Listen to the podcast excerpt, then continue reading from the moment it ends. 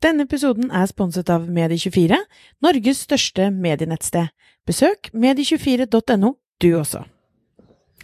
Vi var jo nettopp på um, VoiceCon eh, i New York, og det var veldig, veldig gøy å få snakke med direktøren for podkast i Vayner Media.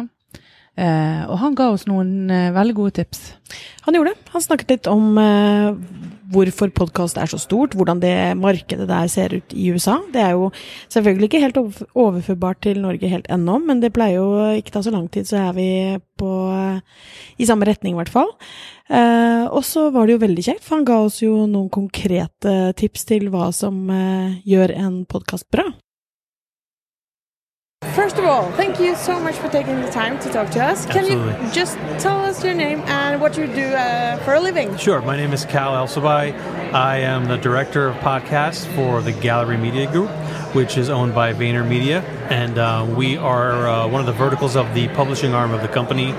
So there's there's VaynerX, and underneath VaynerX you have Vayner Media, who handles social distribution, marketing, advertising, and then on the publishing end, the Gallery Media Group handles a women's brand called PureWow, a men's brand uh, which will launch this summer, and then the Gallery Podcast Company, which handles podcasting for all the verticals and any other partnerships that have out there that are interested in podcasting. And I'm the director of the podcast company. Cool.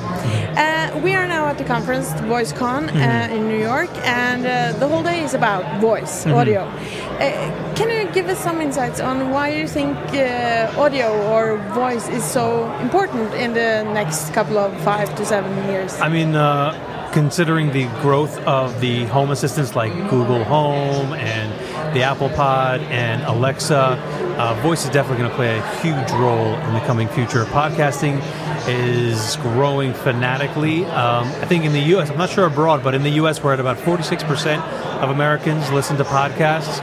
Um, they're saying 50% by the year 2020. The average podcast listener is educated, is um, uh, a salary of a range of about 100 to 150,000 dollars a year.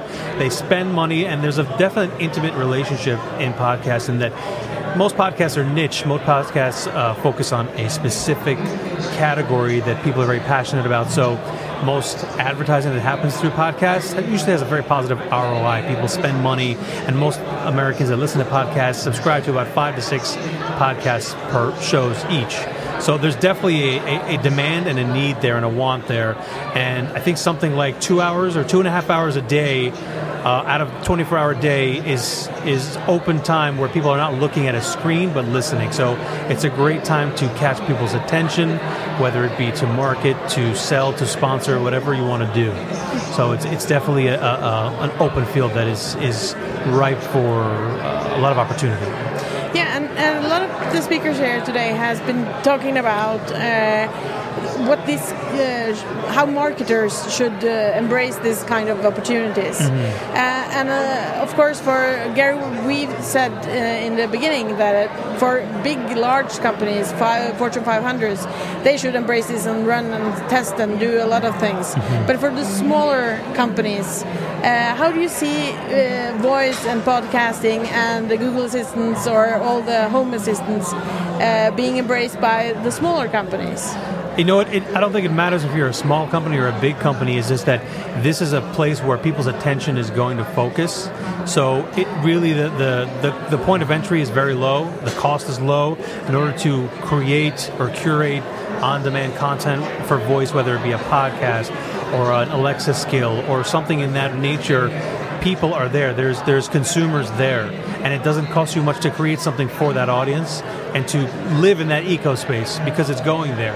So I I think for small business or large business, there's there's great opportunity, and it's very low threshold, very very easy. It's not like you need a huge budget to do it. You don't need a ton of marketing. You don't need. It's already there for you, and it's, it's very simple. So I think for smaller or large, it, the the opportunity is great. Yeah, but when you say it's, it doesn't cost that much, what, what what do you think is what? So let's say, for example, to, um, to you know, you have a company that name whatever XYZ company, uh, a shoe company, you know. Uh, it does not cost much money for you to create content around that idea. So it doesn't have to be specifically about your shoe line, but about the culture and this the, the, the, the group that is a passionate group about shoes, whether it's running, athletes, fashion, style, whatever it may be. You really oh, the it doesn't cost you much to create content there, and in creating that content, you can market your product for that group, for that niche, who's interested and curious about your product because you're already serving a niche. So if I'm a shoe lover, if I'm an athlete and I need a specific type of shoe, I, I don't know what kind of running shoe there is, or I don't know what kind of specific need that I want, but I, I know I need to know about it.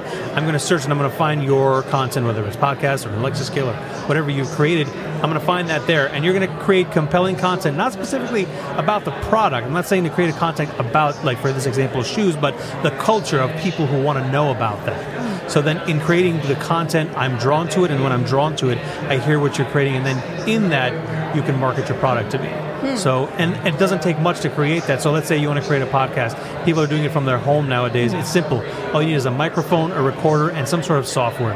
There's tons of free software to use out there. I mean, obviously, you get what you pay for if you want to spend a little bit more and go up a little quality, but the, the, the start off point is really simple a microphone, a recorder, and some software shouldn't cost more than a couple of hundred dollars to get started and start creating content. And then when you create that content, whether it be podcast or whatever, in, integrate all your social outlets as well into it and just funnel traffic to it from, from multiple outlets to build an audience. And once you have that audience, once you have those ears, you collect data points, find out what they want, and cater and curate to them.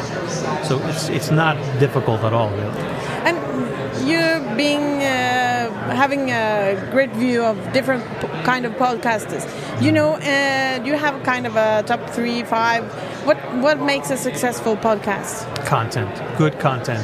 Like I said, it really doesn't matter what you're doing, but always try to be compelling, timely, and topical. Compelling being that something people want to hear about, some people will engage with. Uh, timely being that it's it's interactive and it's connected to what's happening today. And then topical meaning that it's something that people want to know about, something that is uh, is is on people's minds. You know, there's a lot of tools out there. You look at Google Analytics, you look at what's trending, what topics are happening, what people are searching for. There's so many tools out there that can help you kind of navigate what to what to talk about, what to create about. So those are the things: timely, topical, and compelling. Perfect. Thank you so much for your time. You're very welcome. Ja, da vet vi det, Heidi. Eh, ifølge Vayner Media sitt eget eh, podkastselskap, så handler det altså om å lage en podkast som er timely, compelling og topical. Altså, du har noe som er i tiden, noe folk er interessert i, eh, noe som fanger folk, og noe som har et helt konkret tema. At han var jo egentlig ganske Vi snakket jo en del med han utenom eh, dette opptaket også, og han var veldig opptatt av at eh, jo bredere egentlig man gikk ut, jo eh, vanskeligere var det å egentlig skape godt innhold for målgruppa, fordi det ble ganske stort. Så det er jo det, noe av det som kanskje er veldig bra med podkast, at uh, du kan lage det så nisjete du bare ønsker. Mm. Og så kan du heller lage flere nisjete. Og så han understreket veldig dette her med korte. Mm. Heller være veldig aktiv. Lag noe hver dag, sa han. Og vi bare ja, ja, sure.